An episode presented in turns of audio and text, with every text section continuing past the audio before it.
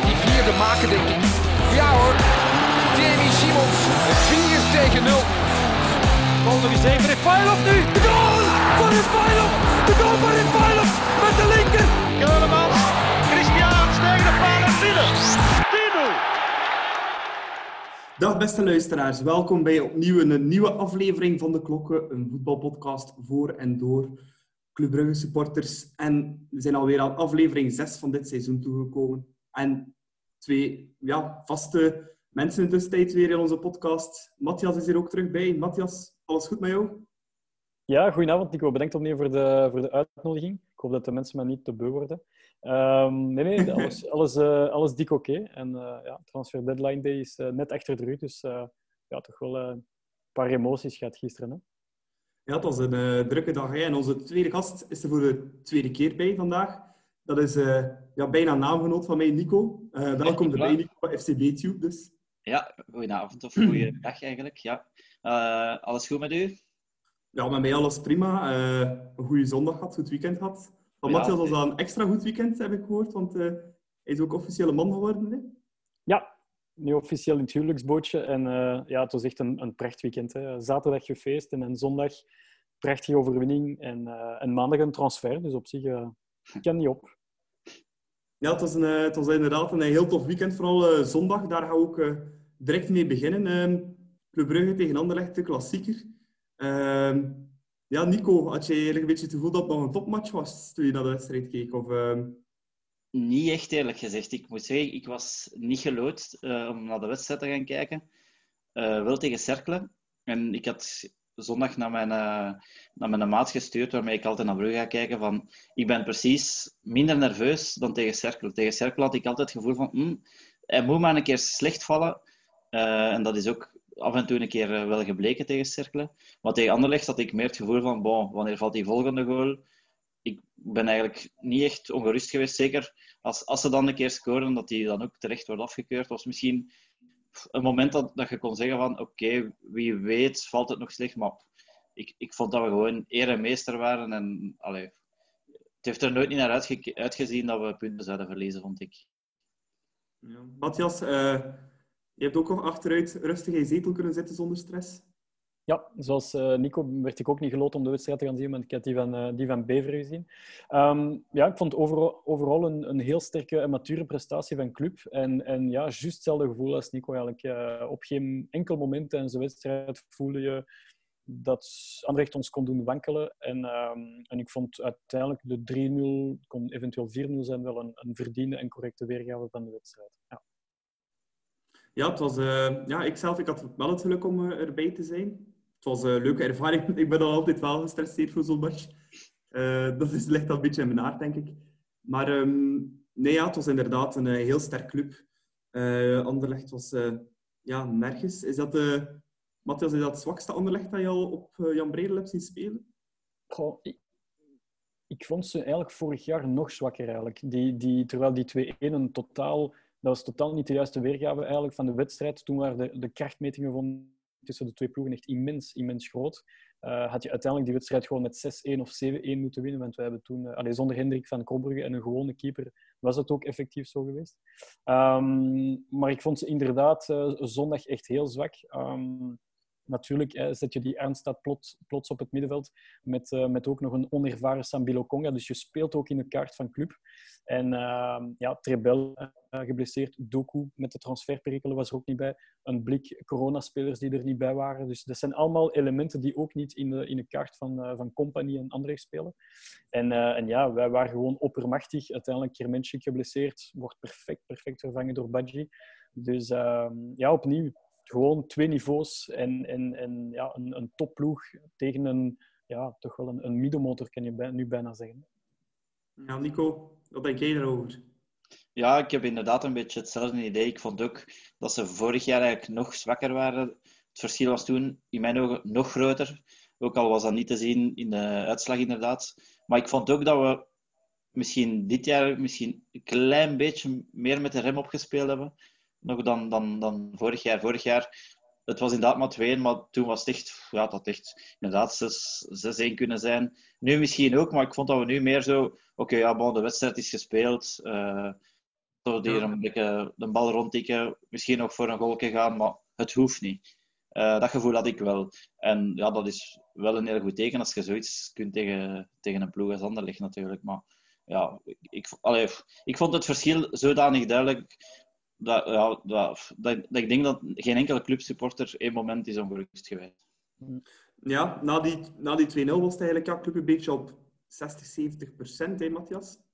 Ja, deelspelers het gevoel hebben van het komt hier helemaal goed en we zijn hier relaxed. Uh, dat ze het ook heel relaxed opnemen. En, en ik kan niet zeggen dat het irriteert, maar soms denk je als supporter van allee, kom maar jongens, nu kunnen wij ze helemaal afmaken. En, en dat gevoel had ik wel zondag van allee, we kunnen er weer een, een Leco-score van maken en weer voor die 5-0 gaan. Maar ze hebben het nagelaten en op zich, oké, het is, het is, uh, ik accepteer het, maar het had zeker nog hoger kunnen oplopen. En, maar dan moeten bepaalde spelers ook in hun hoofd hebben van ik wil, het, ik wil ook het verschil maken en ik wil ook een spektakelstuk geven aan de, aan de supporters, want dat verdienen wij wel, vond ik. Ja, ja inderdaad. Wie waren voor jullie de, de absolute uitblinkers bij club, Nico? Um, ik vond, uh, naar goede gewoonte, vond ik Matta weer redelijk sterk. Um, ze hebben natuurlijk ja, qua flankaanvallers misschien niet de strafste tegen hun gekregen. Verscharen zat niet echt denderend in de wedstrijd. En ja, Bakali, de, ik denk dat we daar nog lang over zouden kunnen praten. Die heeft uh, helemaal niks laten zien. Ik, en ik vond natuurlijk ook Ruud Vormer, die was uh, eer en meester op middenveld. Um, zoals vanuit volop in de strijd. En, en ja, dan ook nog zijn een goede wedstrijd bekroond met een hele schone vrije trap. En je ziet ook dat tikkelk en ervaringen, dat, is, dat maakt ook heel veel verschil. Zeker tegen zo'n middenveld als dat van Anderlecht, waar misschien wel talenten uh, staan te spelen, maar waar je toch ziet dat gebrek aan ervaring u ook zeker parten speelt tegen een middenveld als, uh, zoals bij ons uh, aan toe gaat. Ja. Ja, dat is wel... Ja, dat... Ja, nee, zeg maar, Matthias. Ja, ik had ook dat gevoel. Je zag een bepaalde fase in, tweede, in de tweede helft dat Vormer het puur op ervaring tegen Sam Conga gewoon zijn lichaam goed afhoudt en dan ja, uiteindelijk toch kan passeren en mooi kan voorzetten. Dus uh, ik vond inderdaad Vormer de, de, man van de match, uh, bij zijn spreken. Maar ik vond ook dat Diatta echt zijn, zijn oude niveau heeft teruggevonden. Dat vond ik heel hard. Zeker in, in de eerste helft, tweede helft hebben we hem een beetje minder gezien. Maar die eerste helft van, van Diatta vond ik echt fenomenaal. En, um, en ook in combinatie met Badji. Die twee vinden elkaar echt blindelings, uh, die twee Senegalezen. Dus uh, ja, Diatta, Badji en ook Sobol. Um, moeilijk begin van het seizoen. Rika heeft het eventjes overgenomen. Maar dan zie je ook dat als Sobol zijn diesel uh, terug helemaal op gang komt, dat, dat Sobol ook echt wel zijn, meerwaarde, zijn meerwaarde heeft in, in onze ploeg. Ja. Nu, bij uh, Anderlecht was er veel om te doen dat er veel jongeren meespeelden. Maar als je keek puur op, op papier, ja, bij club zaten ook gewoon drie jongens bij die nog geen 20 jaar zijn. Dan heb je ook nog Diatta, die 21 is. Zijn onze jongeren dan niet gewoon beter dan die van Anderlecht? Staan die gewoon niet al een stapje verder, als je dat zo bekijkt? Ja. Want als, ik, als je bijvoorbeeld een Charles de Ketelaren in duel ziet gaan, en dat vergelijkt wordt met Jari Verscharen, dat is een, eh, ja, een loopjongetje. Hè?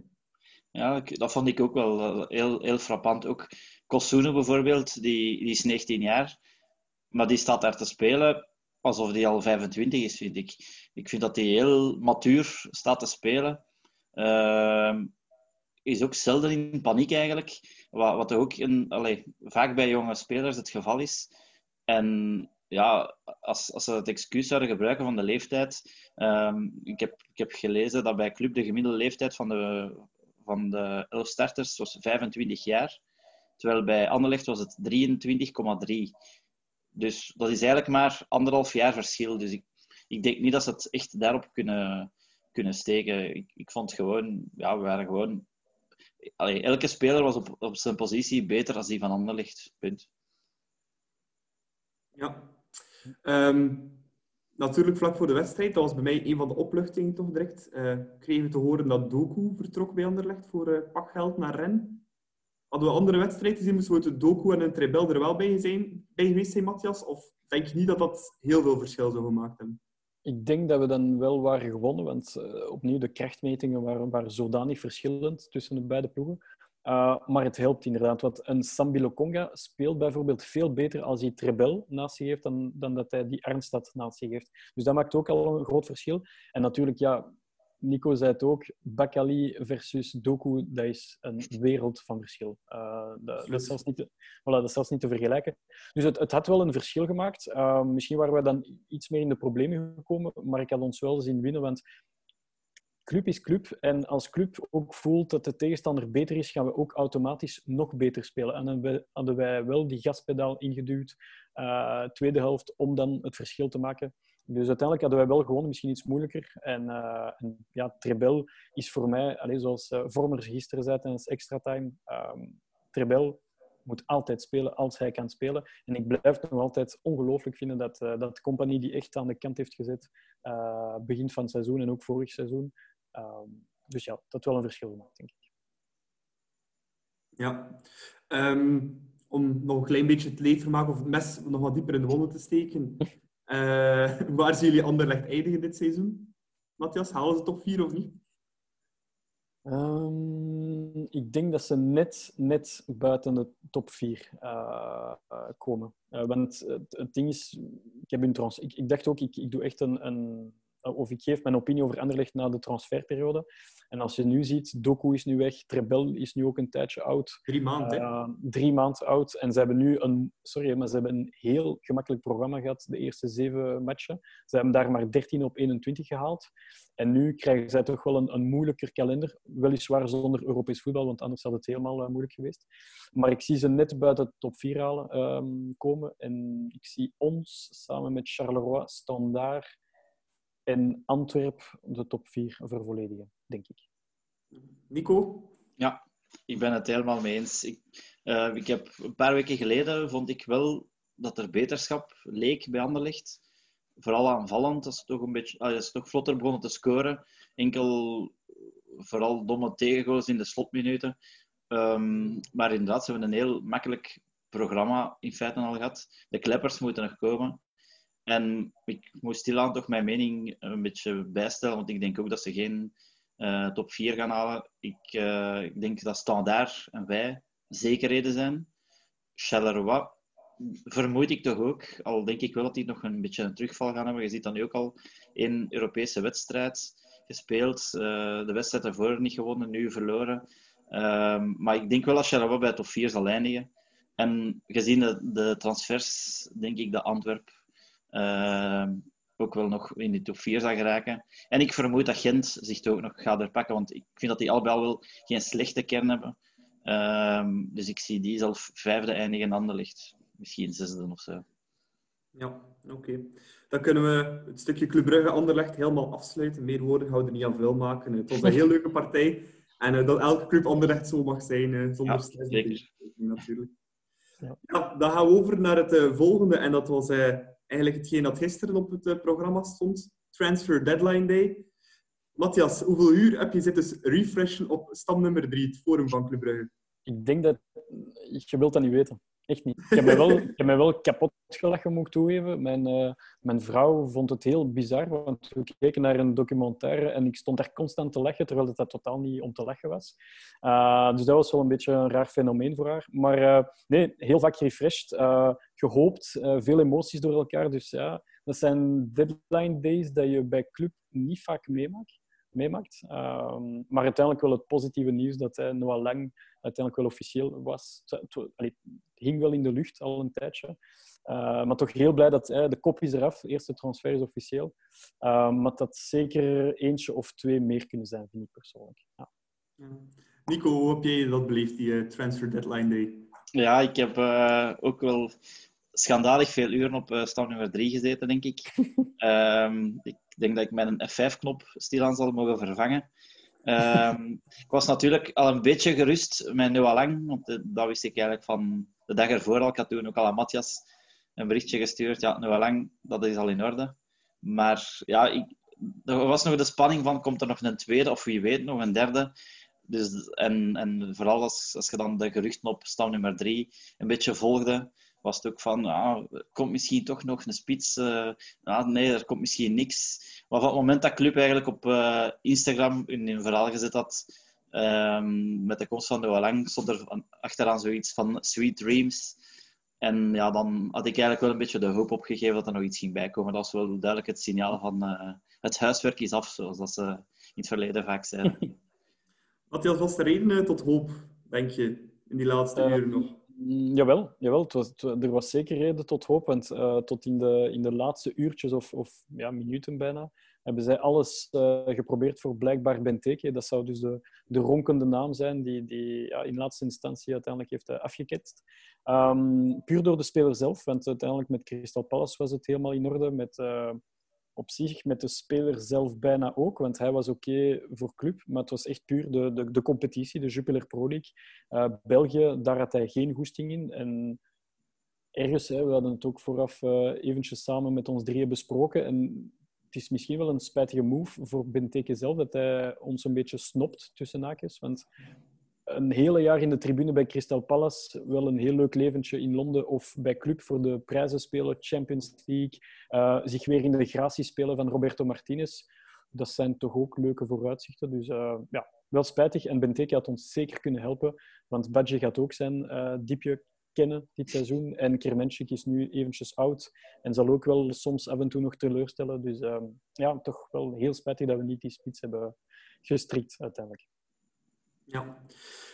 Um, het zijn andere ploegen die wel redelijk wat deals nog hebben gedaan op Transfer Deadline Day. In België dan toch voornamelijk. Um, Nico, vind jij dat de beste deals nog heeft gedaan op de laatste dag?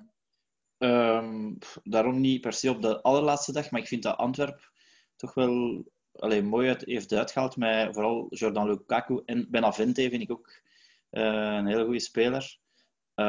ja, Ampoma, die heeft ook wel zeker talent. Um, ik weet niet, dat voor club denk ik een beetje misschien te kort.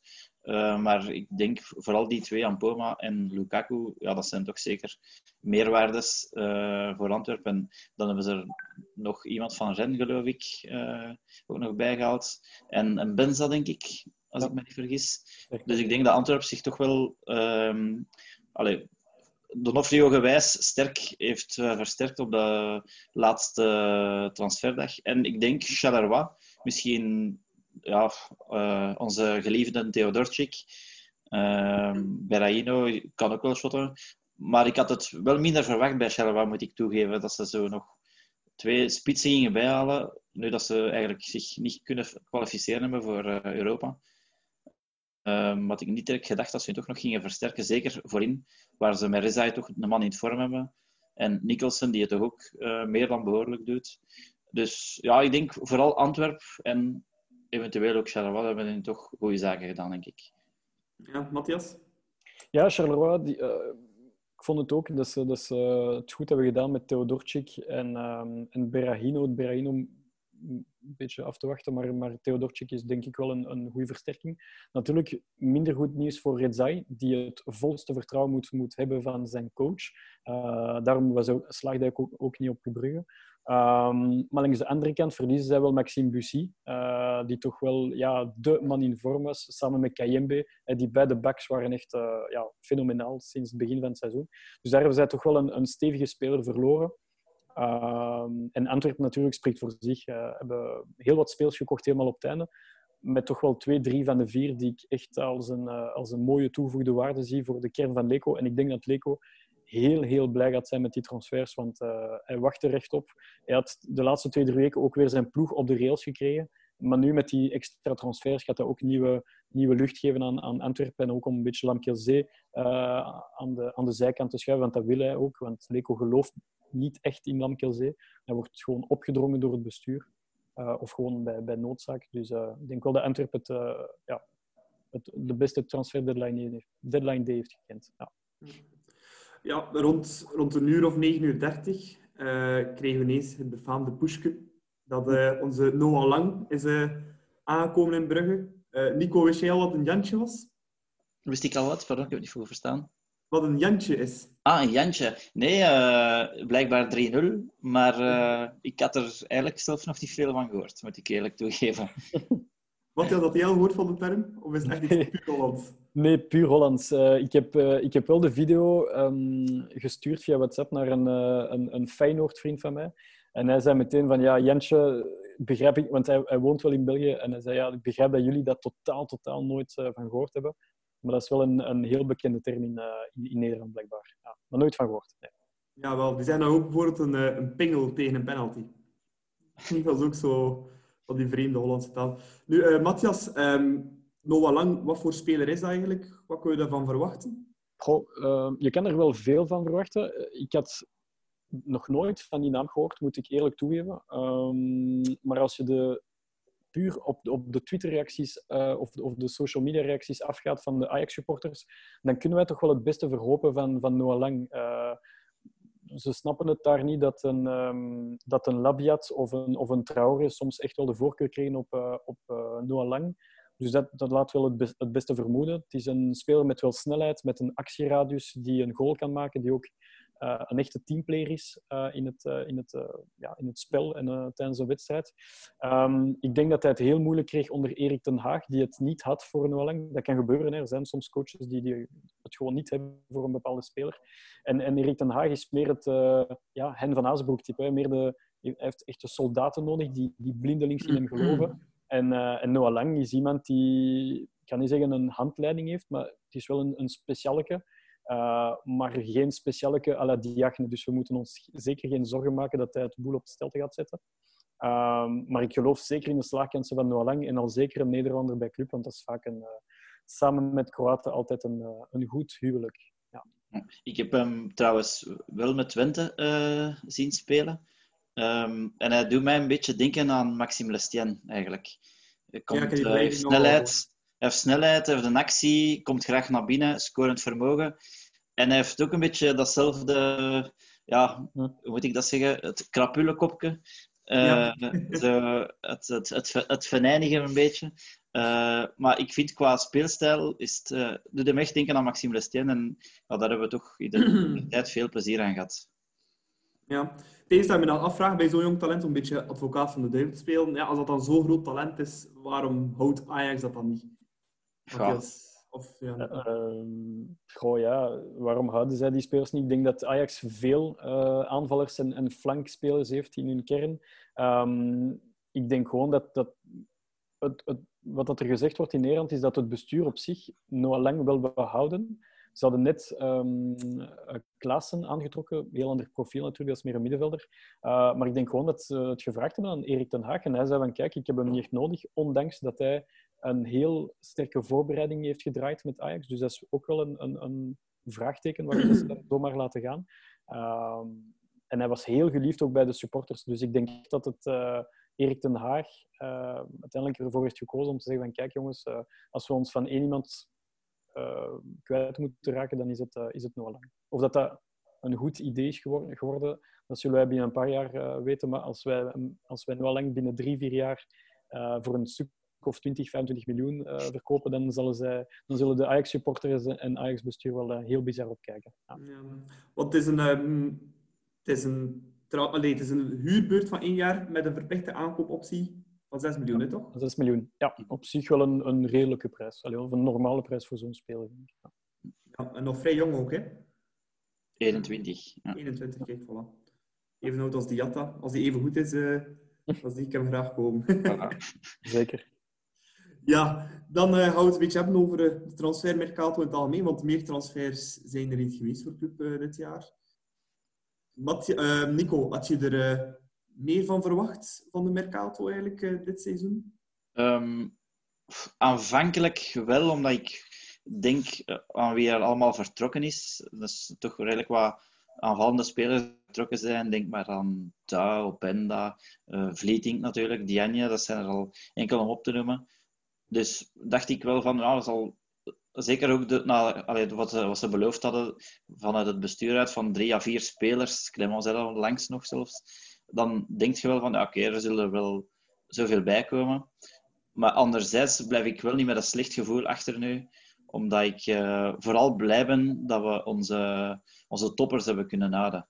Uh, ik denk dat het niet evident is om zowel Miolet, Mata, Van Aken, Diata en Dennis te kunnen houden. Um, en hoe dat ik vernomen heb, hebben ze voor Mignolet en Van Aken toch ook redelijk ver moeten gaan om die te kunnen houden. Um, en ik denk dat vooral ook die coronatijden zeker niet mogen onderschat worden. Um, enorm veel supporters, minder, veel minder inkomsten. Dus ja, ik denk dat dat ook wel meespeelt. En ik denk ook dat club dat je niet kunt zeggen dat club het niet, niet geprobeerd heeft om hun beloofde spelers binnen te halen. Alleen zijn ze niet daarom allemaal gelukt. Maar ik denk ook dat we het misschien moeten toejuichen. Dat ze dan daarom niet gewoon andere spelers gaan halen om te halen. Uh, zoals agent eigenlijk, vind ik persoonlijk een beetje gedaan heeft. Dus ik vind niet dat we ontevreden moeten zijn. Ja, Matthias, is dat niet onze sterkste of beste transfer, zoals Nico zegt? Dat we al onze sterkhouders hebben kunnen houden? Ja, zo moet je het zeker. Als je het positief wilt bekijken, dan heeft het bestuur echt knap werk geleverd door uh, onze sterkhouders aan boord kunnen houden en zelfs een verbeterd contract kunnen laten tekenen. Maar aan de andere kant, ja, voor, voor de Mercato had ik gezegd, er moet een spits, een flankspeler, een centrale verdediger en een centrale middenvelder erbij komen. En de constatatie achteraf is, een flank is erbij met Noah Lang, een mini centrale middenvelder met Fofana en een mini centrale verdediger met Formoos Mendy vandaag. Dus uiteindelijk ik vind het toch aan de lage kant. Um, maar op zich, ja, je ziet heel duidelijk, um, er was een vast tramien uh, van het bestuur tijdens de zomer. Dat is opportuniteiten voor Club Next. En dan denk ik aan Denki en Grijmel. Dan heb je de groei, groeibriljanten met, met uh, Bright, Onyeka, Kamano, Leina, Veerman en Darami. Dat zijn de, daar hebben ze allemaal een bod op, uh, op gedaan. Uiteindelijk nooit gekomen door diverse redenen. En de grote dossiers, die kennen wij bijna allemaal. Dat zijn Dost, Edmilson, Jaremchuk, Benteke, Batshuayi en Wesley Hoed. En uiteindelijk blijkt dat club er alles aan heeft gedaan, maar ook niet helemaal alles. Ik denk dat zonder corona had je van al die namen die, die ik nu heb opgesomd, dat er wel twee à drie van die namen erbij waren geweest bij Noah Lang. En dan was het helemaal af. Maar dat betekent ook dat spelers als Dennis en Diatta misschien ook wel weg waren geweest. Dus uiteindelijk moet je wel denk ik, misschien nuchter bekijken van oké, uiteindelijk hebben wij een, een, soort van damage control gedaan en uh, met Noah Lang een heel goede speler aangetrokken hebben en ook al onze stevige sterkouders aan boord kunnen halen. Maar het had nog leuker en interessanter kunnen zijn. Ja. Ja. Matthias, ik kan nu even een quote van jou gebruiken van uh, een paar afleveringen terug. Toen heb je gezegd dat het ook wel belangrijk is voor een ploeg na een kampioenenjaar om jezelf te verversen. Ja. Zit er daar niet dan ergens een gevaar in? Is deze groep nog hongerig genoeg om weer al hetzelfde te kunnen doen als vorig jaar, denk je? Ik denk altijd aan die ene jaar met Michel Prudhomme, net nadat we, we kampioen waren geweest in 2016. En toen was het een Europees een rampseizoen. Uh, kregen we echt een pak rammel tegen Kopenhagen, Porto en Leicester. Um, ik denk dat dat dit jaar minder gaat gebeuren, omdat er aan zich kwalitatievere spelers aan boord zijn. Uh, maar natuurlijk, zoals je zegt, ja, inderdaad, je moet altijd een kern verversen, omdat anders het, het laid-back gehalte te veel ja, naar boven komt bij bepaalde spelers en denken van oké, ik zit hier goed en, en ik weet dat niemand mijn plaats gaat innemen. Dus dat is een beetje het gevaar. Uh, we zullen zien. Maar ik denk wel dat we niet zo hard gaan allee, vallen, is misschien een groot woord, zoals dat het geval was in het, uh, in het seizoen 2016-2017. Nico, als je een cijfer zou mogen plakken op uh, deze Mercato, hoeveel op 10 zou je Club Brugge geven? Een 7. Zeven? Ja. ik geef een zeven, omdat, omdat ik denk dat die, die contractverlengingen, dat is volgens mij echt niet evident. Um, als je hoort, voor Matta zouden er vier ploegen gekomen zijn. Van Aken toch een concreet bod van West Ham, toch, toch Premier League, ja. Dennis is ook aan de mouw getrokken, Mignolet dat weg kon naar hen. Ik vind het heel belangrijk dat die spelers allemaal gebleven zijn, want ik heb ook, zoals iedere clubsupporter, wel graag transfers. Maar het moet altijd ook nog blijken, zijn dat, een meer, zijn dat meerwaardes, zijn dat geen meerwaardes? En van de spelers die ik nu genoemd heb, ja, daarvan weten we gewoon al van, ja kijk, die, die kunnen het.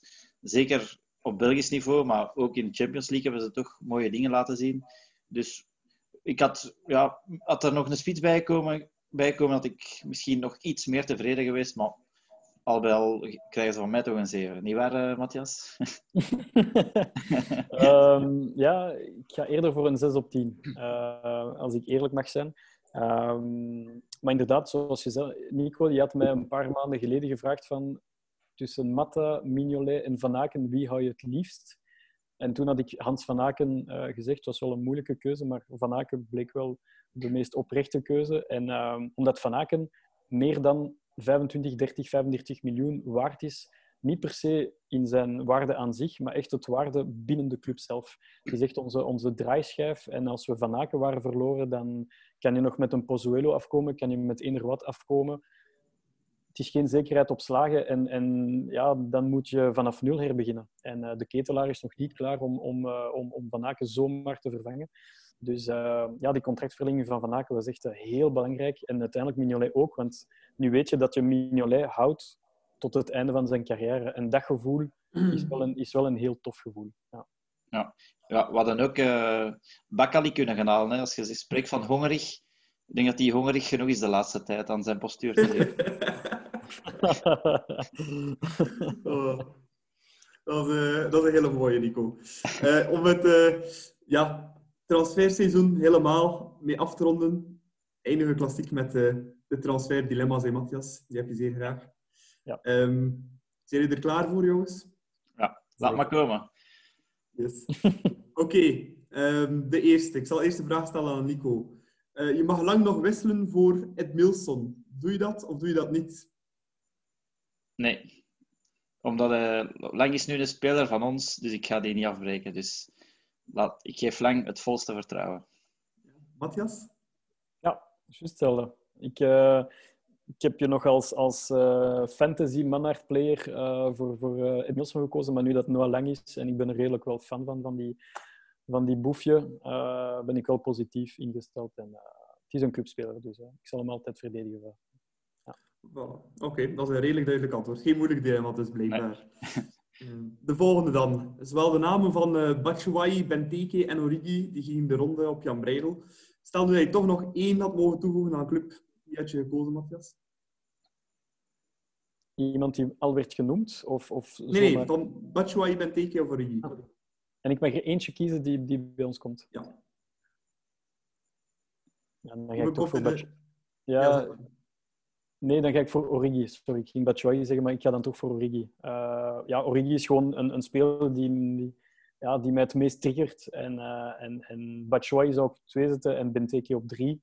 Uh, maar als ik moet kiezen uit een realistische keuze, dan kies ik wel voor Benteke. En, want ik heb het meer voor zijn, voor zijn werkethiek. En, en hij had heel veel spelers veel kunnen bijbrengen. Ja.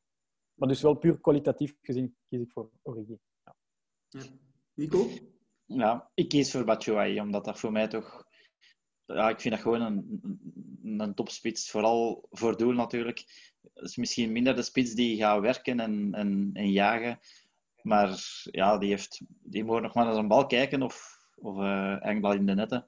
En we zien dat ook bij de Rode Duivels trouwens. Als die, als die mag spelen, die pikt altijd wel zijn goaltje mee of soms twee. Uh, ja, ik had die wel graag bij, bij club gezien, moet ik toegeven. Ja. Uh, Oké, okay, dan gaan we over naar de volgende. Matthias, stel je mag één transfer kapen van een andere Belgische ploeg. dus die haal je dan naar club. Dus één transfer dat nu in deze Mercato is gebeurd. Uh, wie haal je dan? Goh. Ik ben blij dat jij het gekozen bent, Matthias. Ja, ja. Nu kun je op je gemak nadenken natuurlijk. ja. oh, dat is geen gemakkelijk. Ja. Ja, dan ga ik, ja, dan ga ik toch voor Benavente.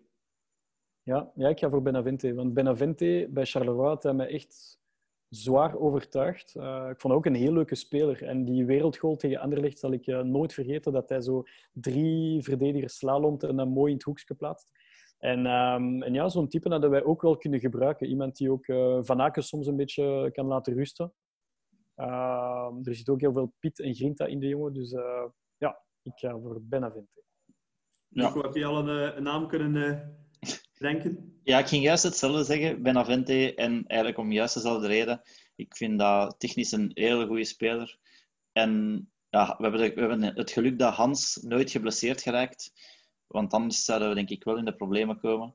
Uh, maar dat is wel een type speler dat, dat Hans af en toe een keer zou kunnen aflossen. Um, dus zeker Benavente voor mij. Ja, Oké. Okay. Dan uh, dilemmaatje nummer vier, de voorlaatste. Nico, um, stel nu, Vincent Manhart heeft een uh, burn-out gehad vlak voor de start van de Mercato. Uh, door welke sportief directeur slash manager zou je dan de transfers laten doen uh, bij club? Je moet iemand kiezen die sportief, sportief directeur is bij Bel in een Belgische voetbalploeg. Hm. Eh, niet Luc de Vroe. En ja, en ja, dat ik ook nog vragen. Wie zeker niet? Ah ja. Eh, moet hij in de gevangenis gezeten hebben of niet? Ehm, ik, het is niet dat ik het ervoor heb, maar ik denk dat Donofrio wel een speler is die eh, alleen eh, een, een, bepaalde netwerken heeft die, die hij altijd kan aanspreken als, als, hij, als hij spelers moet hebben. En ja, je ziet altijd, die komt altijd toch wel met, met, met spelers af. Zoals een Hoed, zoals nu Benavente. Spelers die we eigenlijk al een beetje vergeten waren, misschien. Maar ik, ja, dat was bij Standaard zo, dat is bij Antwerpen zo. Ik vind Donofrio... Allee, geef mij maar Vins, altijd Vins. Maar als je moet kiezen, ja, dan kies je toch voor uh, Donofrio. En wie niet? Wie zeker niet? Wie niet? Um, heel het organigram van Anderlecht, waar ik weet niet wie dat, dat daar uh, nu juist doet. Uh, want het begint wat moeilijk te worden. Peter Verbeke. Peter Verbeke. Ja. ja, ik denk wel dat hij zijn talenten heeft, maar gewoon al uit principe pak ik iemand van Anderlecht. Voilà. Mooi. Matthias? Um, ah, wel, um, positief denk ik sowieso aan Donofrio, want ik denk ook dat Donofrio echt wel heel goede contacten heeft uh, buiten België. Maar ik ga heel verrassend toch kiezen voor Peter Verbeke. Uh, ik denk dat Peter Verbeke met middelen, en dan spreek ik echt wel met, met clubmiddelen en niet met Anderlechtmiddelen, uh, dat Verbeke echt wel heel goed werk kan leveren. hij heeft het ook in het verleden bij ons bewezen. Bij Gent heeft hij het ook bewezen. dus moest ik nu echt Vins, maar met, met ferme tegenzin moeten, moeten vervangen, zou ik op één Donofrio kiezen en op twee uh, Peter Verbeke. En wie zeker niet, dat is uh, zonder twijfel uh, Louagie. Dat is, uh, dat is een Chris, dat je nemen. Ja, ja dat is, wat dat Gent allemaal transfereert met de miljoenen dat ze krijgen. Ik, ik, ja, ik stel mij toch heel ferm vragen als je ziet een, een Nurio bijvoorbeeld, dat je daar 6 miljoen voor neertelt. Voor een linksback die op één of twee wedstrijden de Witte blijkbaar blindelings heeft overtuigd. Ja, dan, dan, sorry, maar dat is, dat is gewoon mismanagement. Dus uh, ja, Louagie zeker niet. Ja. Ja, en dan uh, komen we bij het uh, laatste dilemmaatje. We hebben een aantal afleveringen lang een fantasy manaard gehad, waarbij dat we een speler voorstelden aan Vincent Mannaert om naar club te komen. je mag straks allebei eentje uitkiezen die toch nog naar club komt, want er is geen één die naar club gekomen is uiteindelijk. um, ik zal er even het lijstje overlopen en dan mag Nico beginnen met zijn ultieme fantasy mannaard uh, te kiezen. Dus ja. we hebben Junior Edmilson, Ras van Marin, Wouley, Carlos Bacca, Aster Franks, Wesley Hoed, Onyekuru, Robin Hak, Abdou Diaby en Brian Curfé. Je hoort nu waarschijnlijk dat ik Lei ga zeggen. ja, um, is altijd, is altijd beschikbaar. Speel nu twee klassen bij Espanyol. Um, ik denk dat ik zou gaan voor Aster Franks dan. Omdat dat toch een type speler is dat ik, uh, ja, waar ik het wel voor heb. Um, dat doet mij een beetje denken aan de jonge Vadis. Uh, qua speelstijl ook, qua kwaliteiten eigenlijk ook zelfs een beetje. Alleen is hij denk ik iets minder lui. Um, en ja, voor zijn leeftijd staat hij toch ook al echt wel ver. Ik denk ook goed in het kopje, dat is ook uh, niet onbelangrijk. Um, ja, ik, ik had die graag wel bij, bij club gezien eigenlijk. Maar ik snap wel dat hij zegt van ik moet nog een beetje blijven. Uh, dat ik nog meer progressie kan maken.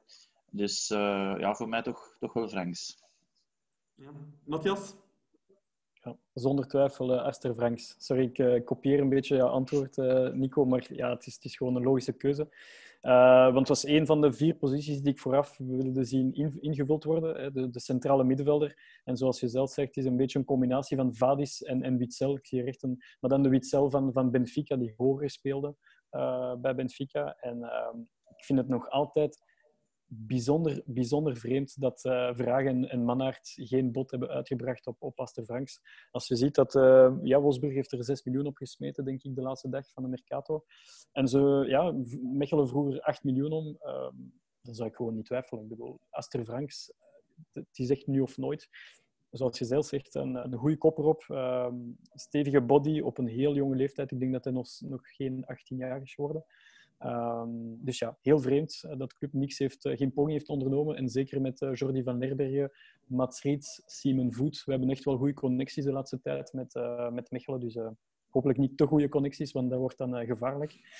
maar Master Franks is wel een gemiste kans, vind ik. Ja, ja kan misschien nog in de winter. Hè. Ja. hopelijk is het niet te laat. Ja.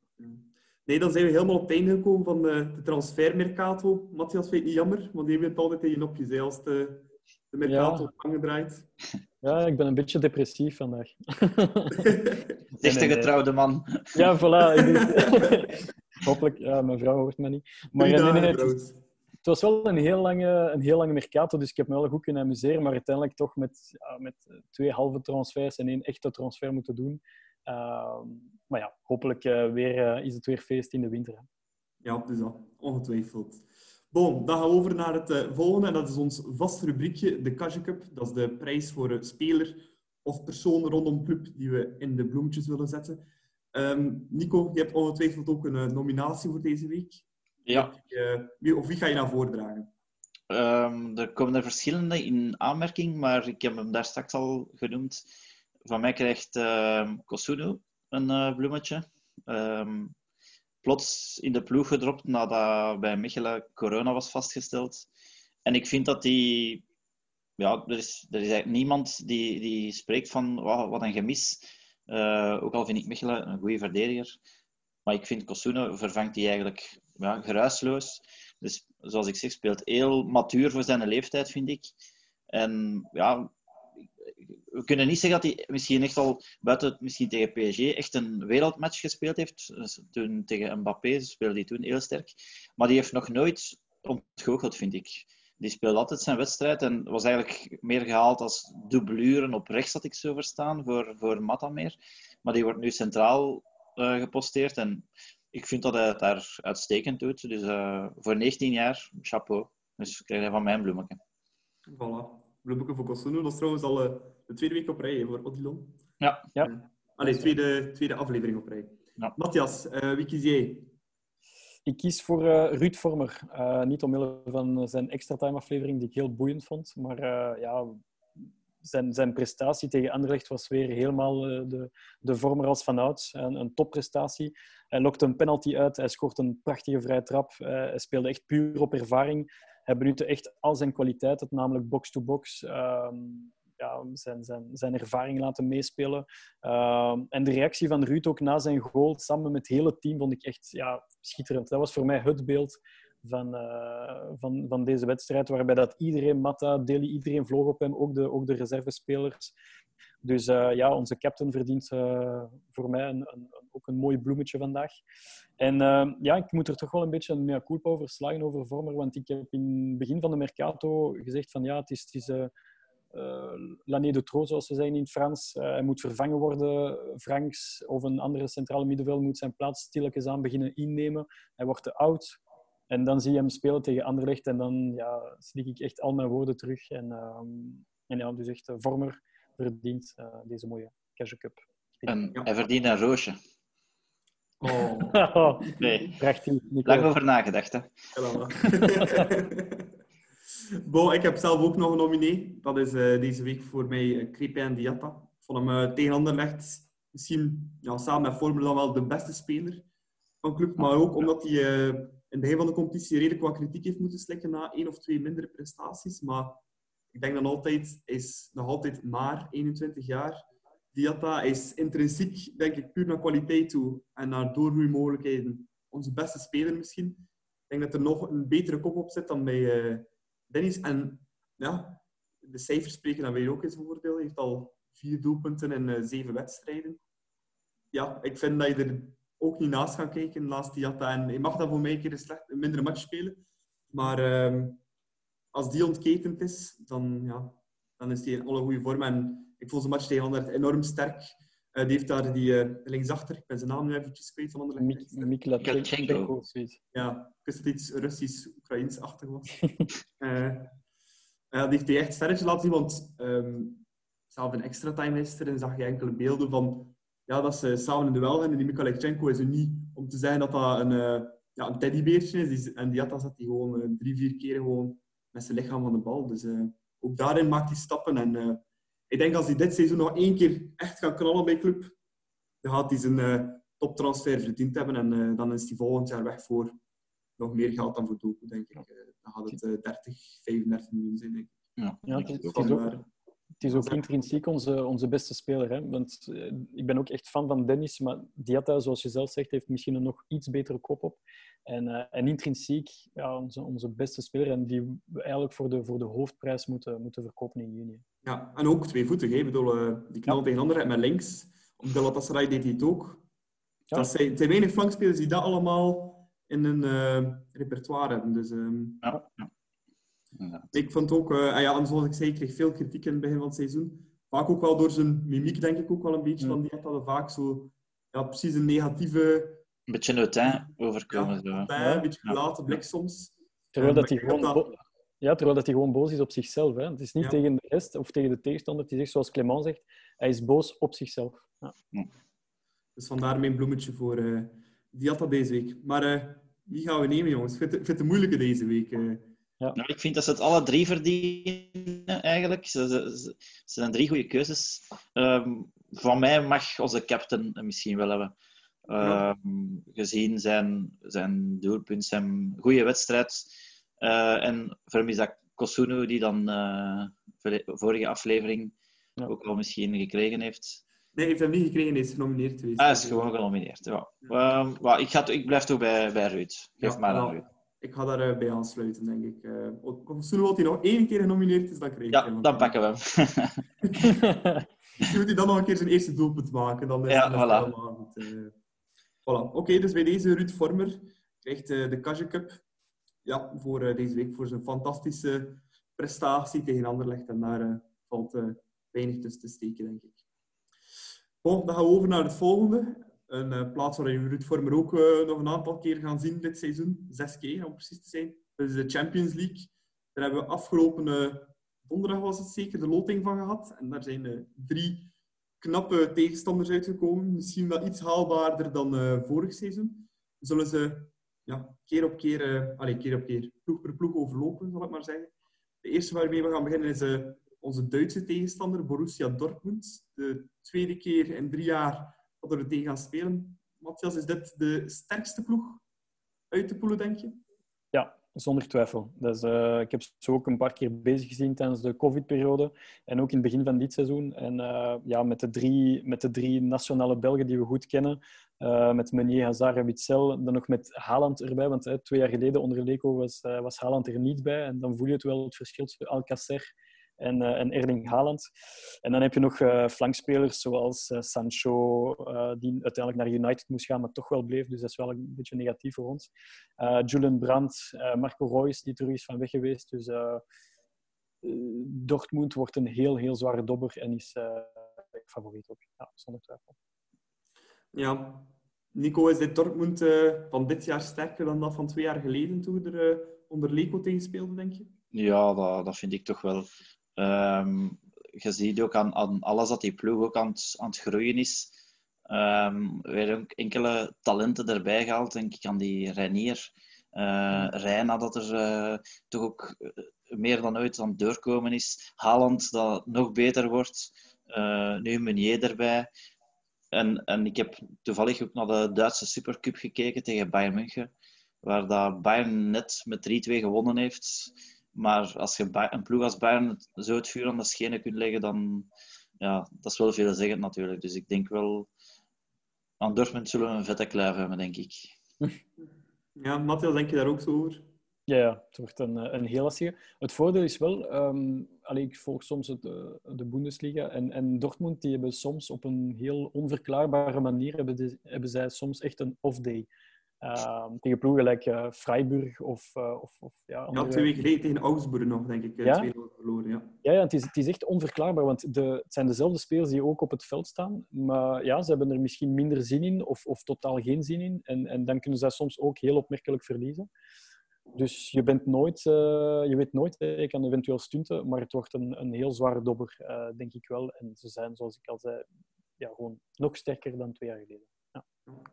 Ja. Marco Reus gaf een interview net na de loting uh, over de ja, over de loting tegen onder andere club. En hij zei dat club een van de lastigste ploegen was dat hij ooit al tegen gespeeld heeft. Ehm, hij zei, ja, die speelden altijd heel defensief. Uh, of die speelden toen toch heel defensief tegen ons. Ehm, ik denk, ik had de cijfers onlangs al eens gezien. We hebben toen, Dortmund had in zijn thuiswedstrijd, denk ik, meer dan duizend pasen. Die wedstrijd, maar slaagde er niet in op de score. Het werd 0-0. Um, dus moeten we opnieuw op zijn uh, Ivan Leko's gaan spelen toen, uh, zoals we toen hebben gedaan, om daar iets tegen te halen, denk je, Nico? Of ja. gaan we Clement way op Real Madrid moeten gaan spelen en al de way gaan moeten spelen aanvallen, denk je? Om zo denk... tegen een resultaat te halen. Ja, ik zou toch spelen zoals op Real Madrid. Ik denk ook niet dat we echt de ploeg hebben om, om ze te kunnen zeggen van jongens, vandaag gaan we een keer verdedigend spelen. Pff, nee, ik, ik, ik, denk, ik denk niet dat we daar echt de ploeg voor, voor hebben. Ik denk dat we echt voluit voor onze kans moeten gaan. Dan riskeert je natuurlijk een, ja, een serieuze pandoring te krijgen. Maar ja, ik, ik, het kan ook zijn dat je met verdedigende spelen 1-0 verliest en dan hebben we niks laten zien. Dus ik, ik zou gewoon zeggen, uh, voluit voor gaan. Ja. Matthias, hoe kunnen wij uh, Dortmund het moeilijk maken of hoe willen we er punten tegen halen, Ja, ik was, ik was samen met jou in, uh, in Dortmund uh, twee jaar geleden. En ik moet eerlijk toegeven, en het is een beetje tegen mijn, mijn gewoonte, ik heb er echt van genoten van die, uh, van die heel gesloten wedstrijd. Ja. Het was ook heel on-Leco om, om met, met die opstelling, met echt vijf, zes man achterin. Uh, en er zijn toch geen supporters normaal, alleen normaal gezien uh, op Dortmund uh, binnen een paar maanden of, of, binnen een paar weken, sorry. Dus um, ja, moesten ze opnieuw die huzarenstukje eh, realiseren straks, dan, dan teken ik er meteen voor. Het zal niet, misschien niet, niet, met glans zijn, maar op Dortmund zou ik wel heel defensief spelen. thuis zou ik er wel vol voor gaan, all the way, want ja, dan, dan, ik vind op Jan Breidel echt puur een, een betonmuur zetten, dat is, dat is misschien te veel van het goede. Een beetje op dan ook, hè. Uh, ja. Club Brugge zijnde. Ja. Uh, Oké, okay. dat was uh, Borussia Dortmund. Het zal een, uh, een dikke kluif worden, inderdaad, zoals je zei, Matthias. de volgende is een ploeg waar we club nog nooit tegen gespeeld heeft in Europees verband. Lazio Roma. Hoe moeten we die inschatten, Nico, denk je? Um, ja, dat, is, dat, zal natuurlijk ook geen lachertje zijn. Die, die hebben nu 4 op 9. Um, maar wel een moeilijk schema gehad. Die hebben enkel tegen Cagliari gewonnen, denk ik. Um, 1-4 verloren tegen, Atalanta. tegen Atalanta. Maar Atalanta vind ik persoonlijk een van de meest aangename ploegen om te kijken in Italië. Um, en nu vorig weekend 1-1 tegen Inter. Dus dat zijn ook geen, uh, geen slechte resultaten. Um, en bij Lazio zijn er ook eigenlijk drie spelers met een Belgisch verleden. Uh, Proto zit daar nog, geloof ik. Uh, en dan heb je ook nog Maruzic en Milikovic-Savic. Um, dus dat zijn ook drie namen, net zoals bij Dortmund, drie namen dat we kennen. Um, en ook net als bij Dortmund loopt daar een spits vooraan uh, die, ja, die met zijn ogen toe scoort, uh, Giro Immobile. Dus ja, ik schat ze minder sterk in dan Dortmund, maar uh, ja, het zal toch ook geen gemakkelijke wedstrijd worden. Maar ik geloof wel dat we daar thuis, zeker thuis, iets zouden moeten tegen kunnen rapen. Ja, Matthias, hoe schat jij de Italianen in?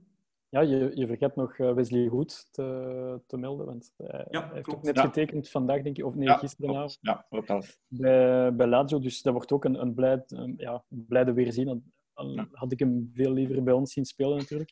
Ehm, nee, ik denk dat Lazio sowieso voor de tweede plaats zal gaan. Want allee, we gaan Zenit nog straks bespreken. Maar eh, ik zie Lazio als tweede beste ploeg van, eh, van de poelen.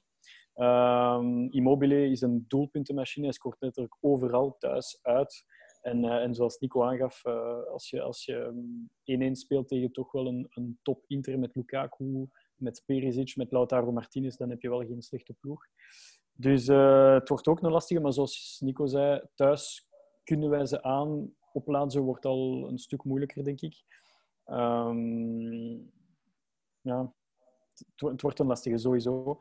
Maar ik, eh, ik, ik reken eerder op Zenit om, om tegen hen eh, punten te pakken dan tegen eh, Lazio. Al kan het tegen Lazio ook wel, kunnen we daar ook zomaar tegen winnen thuis. Dat kan ook gebeuren. Ja.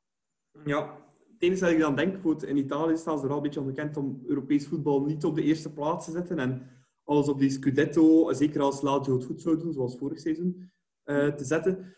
Moeten ze dan ook niet overschatten, want als je kijkt naar de laatste Champions League-campagne, het is wel even geleden, 2008, Ze zijn laatste geworden met uh, Bremen, Olympiakos en Real Madrid. Maar voor het vorig seizoen ook. Europa League worden ze maar derde in een groep met Ren, Cluj en Celtic. En Cluj en Celtic gaan er vandoor. Um, ja. Overschat, moeten ze dat ook niet overschatten? Mm, ik, Goh, het is hier Champions League. En ik denk Champions League en Europa League is, is niet met elkaar te vergelijken. Want Europa League, natuurlijk, de, de, de financiën zijn een heel stuk minder. Um, dus ik denk dat ze nu, zoals je zelf zei, sinds 2008 hebben zij geen Champions League meer gespeeld. Dus hier gaan ze wel vol hun kans gaan, denk ik. Uh, zeker als je ziet hoeveel je kan winnen per, uh, per gewone wedstrijd. Dus uh, als je hoopt op een halve B-ploeg in de Champions League met Lazio, dan, dan, ja, dan, dan gaat dat denk ik niet gebeuren. Ja. ja. Nico, hoe denk jij daarover? Ja, um, dat is wel een beetje soms eigen aan, aan Italiaanse ploegen, dat die soms uh, uitschieters in een negatieve zin kunnen hebben. Maar ja, ik zou ze, ik zou ze toch wel allee, serieus nemen, want ik denk wel dat die, als je ziet hoe dat ze in Italië ook vorig seizoen toch sterke prestaties hebben neergezet en die zullen, gelijk Matthias zegt, het is Champions League, die zullen zich toch ook wel willen tonen, denk ik. Mm. Ja. Inderdaad. Nog een uh, laatste puntje over Lazio. Een klein quizvraagje. Uh, weten jullie wie dat de laatste Belgische tegenstander was van Lazio? Iemand die het weet? Anderlecht. Nee. nee. Was in 2000, uh, nog niet zo lang geleden, 2017. Ah, Gent. Zult, nee. Waregem? Ja, ja, helemaal juist. En om even mee te geven, ze hebben 2-0 verloren in Rome, maar ze hebben wel 3-2 gewonnen aan de Gaverbeek toen. Ja, ja. Heel straf. Um, er zal kanttekeningen bij op de laatste speeldag. En Lazio was al zeker als ze naar de volgende ronde waren. Toen dus, uh, en waren gaan wel zo Maar bon, ja. Het is toch een, uh, een weerzien met België toch, voor uh, Lazio. Volgende gaan we over naar de laatste tegenstander. Zenit Sint-Petersburg. Ik denk op papier, als ik dan bijvoorbeeld naar transfermarkt kijkt, ligt die in de budget of een transferwaarde dichtst bij ons. Het is wel de laatste dagen nog serieus met enkele transfers. Um, is dat op papier de meest haalbare van de drie? Nico, denk je? Ja, op papier zeker. Hè. Um, dat is de naam die het uh, ja, minst groot is van, van de drie. Maar natuurlijk, Zenit heeft in het verleden ook wel al in de Champions League uh, mooie dingen laten zien.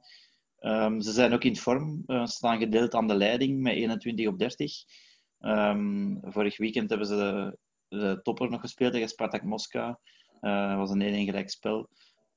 En ja, als je een ploeg ziet, zijn ze ja, heel vaak uh, spelers van, van Ginder. Um, die Juba, die daar al heel lang zit. Nu hebben ze ook Dejan Lovren van Liverpool uh, toegevoegd aan de kern. En ja, nog een andere speler die bij sommigen misschien bekend in de oor zal klinken, is Malcolm. Uh, die het mooie weer maakte bij Bordeaux. Naar Barcelona getransfereerd is. dus die zit nu ook bij Zenit. Dus ja, ik denk, die, die gaan sowieso wel een sterke ploeg hebben. Maar dat is inderdaad wel de te kloppen ploeg voor ons als we, als we toch minstens derde proberen, willen proberen te zijn. Ja, je zei dat net, eh, Lovren, Malcolm. Uh, de Lovren 12 miljoen, Malcolm voor 40 miljoen van Barcelona vorig ja, jaar gehaald. Ja, dat zegt genoeg, hè? Uh, van, vandaag hebben ze ook nog een zekere Wendel binnengehaald van uh, Sporting Lissabon voor 20,3 miljoen. Ja. ja, Matthias, dat zijn toch Russen die geld hebben en uh, het zal toch niet makkelijk zijn ook tegen Nee, nee, nee, het zal zeker niet gemakkelijk zijn. En uh, ik denk dat we ook nog een, een heel goede speler vergeten, dat is Azmoen. Uh, Azmoen is uh, vormt altijd een, een, duo in de spits samen met, samen met Zuba. Dus dat zijn twee hele grote ja, binken voorin eigenlijk. Um, dus ja, nee, nee, het wordt zeker niet gemakkelijk. Maar uh, dat wordt echt de, de, krachtmeting. Uh, ik denk Club en Zenit uh, zijn elkaar waard. Puur op vlak van, niet op vlak van financiën en, en transfermarkt en de prijzen, maar wel puur op vlak van, van kwaliteit, denk ik. En ja, dan weet je nooit wat er kan gebeuren. Dus mijn pronostiek is dat een derde plaats al een heel sterke prestatie zou zijn, ondanks wat er geschreven wordt in de pers. Dat zij zeggen van ja, we moeten vol voor die tweede plaats gaan en het is haalbaar. Ze denken dat het haalbaar is omdat het een minder sexy pool is dan PSG, Real Madrid, Man United enzovoort. Maar het blijft toch een heel lastige pool hoor. Want uh, zoals je zelf zei, Zenit, een paar heel knappe namen. Lazio, ja, die hebben ook echt wel veel kwaliteit. En Dortmund is ook categorie. Dus als we derde eindigen, zal ik al heel blij zijn. Ja. ja ik, ik, vind het, het is een beetje het gevoel zoals uh, met Porto, Leicester, was ook allemaal zo minder sexy qua namen, maar ja, we weten hoe dat, dat toen geëindigd is. Dus ehm, ja, het, zal, het, zal, het zal afwachten zijn hoe dat we onszelf presenteren. En natuurlijk, als we, zoals vorig jaar, tegen Real Madrid en PSG spelen, dan denk ik niet dat we veel schrik moeten hebben. Ehm, dus het zal ook een beetje van de vorm van de dag afhangen, denk ik. Ja, en van, en van blessures. En... Ja. Ja. Nog een uh, klein, nog een laatste beetje ook nog een klein quizvraagje over uh, Zenit Sint-Petersburg. Um, wie weet er wanneer dat club voor de laatste keer tegen Zenit gespeeld heeft? Ze hebben er maar één keer tegen gespeeld. 1987. Oh, dat ging heel snel, hè? Uh, ja, Nicky, als... Uh, in het YouTube... ja, voilà. Als, ik, we begin daar 2-0 verloren. En thuis hebben we 5-0 gewonnen met vier golen van Kenneth Brille, als ik me niet vergis. Oh, mijn straf. Zo goed uh, ga ik niet voor de geest halen. Ja, FCW Tube, kijk. ja, en wat is dat? En toen noemde het trouwens ook nog... Uh, was niet Zenit Sint-Petersburg, het was toen nog uh, Zenit Leningrad, trouwens. Ja, en, en datzelfde jaar hebben we trouwens ook tegen Dortmund gespeeld. En dus we hebben een, die, een hele mooie Europese campagne gehad. Dus wie weet is dat een goed voorteken voor... Ja, toen zijn we in de halve finale gestrand tegen ja. Espanyol. Ja. Daar teken ik voor om tegen een Barcelona, Barcelonese ploeg te eindigen in de halve ja. finale. Ja, voilà. bon, dan uh, over onze kansen inderdaad. Je hebt het uh, net al kort gezegd, Matthias. Derde plaats zou heel mooi zijn, maar is die tweede plaats niet toch haalbaar? Of hoeveel procent kans geef je ons om door te stoten en de stunt helemaal waar te maken? 25 procent. 25 procent? Ja. Ja, het is, het, is, echt lastig. Ik denk dat, dat we het niet realiseren hoe lastig het is.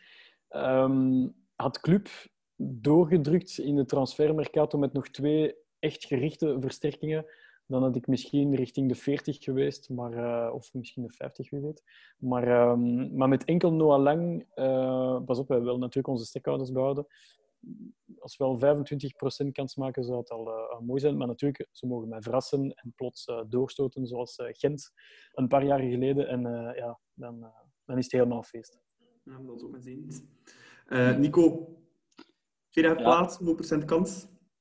ja, wij zijn de ploeg uit pot 4, dus in, in theorie hebben wij ook natuurlijk het minste kans. Um, ik, ga, ik, ik schat de kans ook vooral eerder niet dan wel, maar ik ga voor 40% gaan. Ja, oké.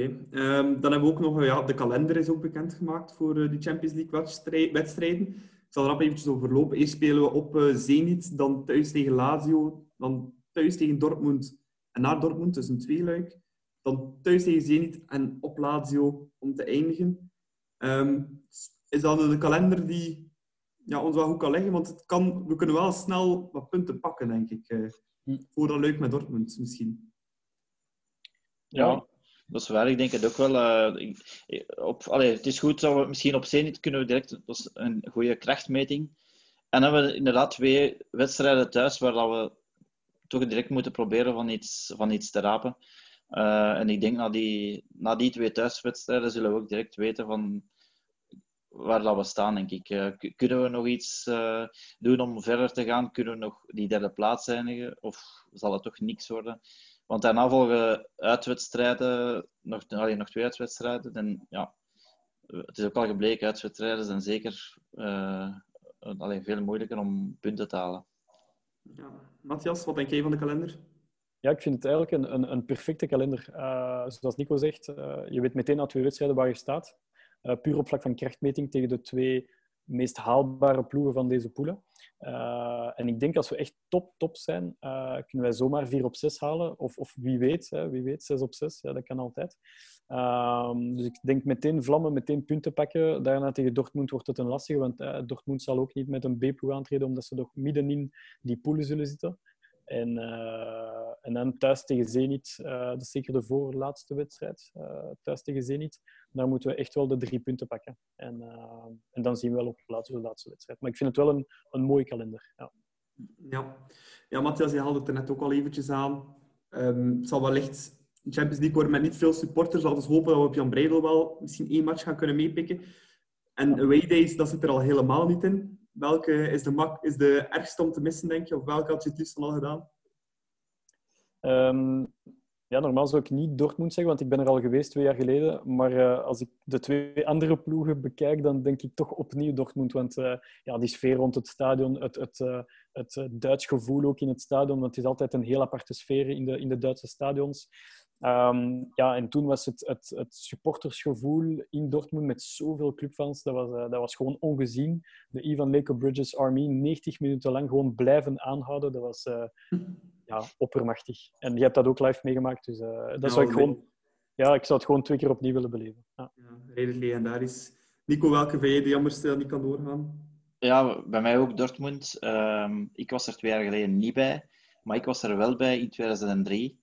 Ah ja, kijk, dat was nog, nog Dus, spectaculair. eh. Ja, toen Bettina daar eh, de strafskopheld was. Dus eh, bij mij is het al wat langer geleden. En mede daarom, ook met de filmpjes die ik gezien heb van twee jaar geleden, bij mij ook toch wel zeker Dortmund. Ja. Oké, om dan het eh, stukje Champions League helemaal af te ronden. Nog een eh pronostiekje van de plaatsen in de groepen. Wie gaat waar eindigen? 1, 2, 3 en 4. Nico? 1 Dortmund, 2 Lazio, 3 Club, 4 Zenit. Dat zou mooi zijn. Matthias? Exact hetzelfde. Copy-paste. Exact, exact hetzelfde. Ik zou Club op 2 zetten, eh Lazio op 3 en Zenit op 4. Om toch de positieve noot erin te houden. Oh, wel, ja, voilà. Helemaal, heel- helemaal optimistisch te zijn. Voilà, dan zijn we helemaal op het einde gekomen van onze podcast. Bedankt voor het luisteren en bedankt ook eh, Nico en Matthias voor eh, terug aanwezig te zijn. We gaan al gedaan. nog een aantal keer terugzien in de podcast, denk ik. En eh, ja, dan is het laatste dat ik nog ga doen, de kanalen eh, bespreken. Je kan ons mailen altijd op podcast.bluesfcb.be met suggesties, vragen of whatsoever. Maar je kan ons ook altijd terugvinden op Twitter met @deklokkenpodcast of @thebluesfcb en met de hashtag de klokken. En voor alle verdere informatie en communicatie rond de podcast verwijs ik jullie ook graag door naar de Facebookpagina van de Blues. Daar kan je ook eh, alles terugvinden over ons. Tot de volgende keer en eh, bedankt voor het luisteren. Tweede er is Tom goal! Het is 3-4. Ryan Tom er. Daar is Alderweireld en daar is Eindel. Hij gaat die vierde maken, denk ik. Ja hoor. Jamie Simons. 4 tegen 0. Bal zeven eens even nu. De goal voor Refailov. De goal voor Refailov met de linker. Keulemans, Christian, de paal en binnen. 10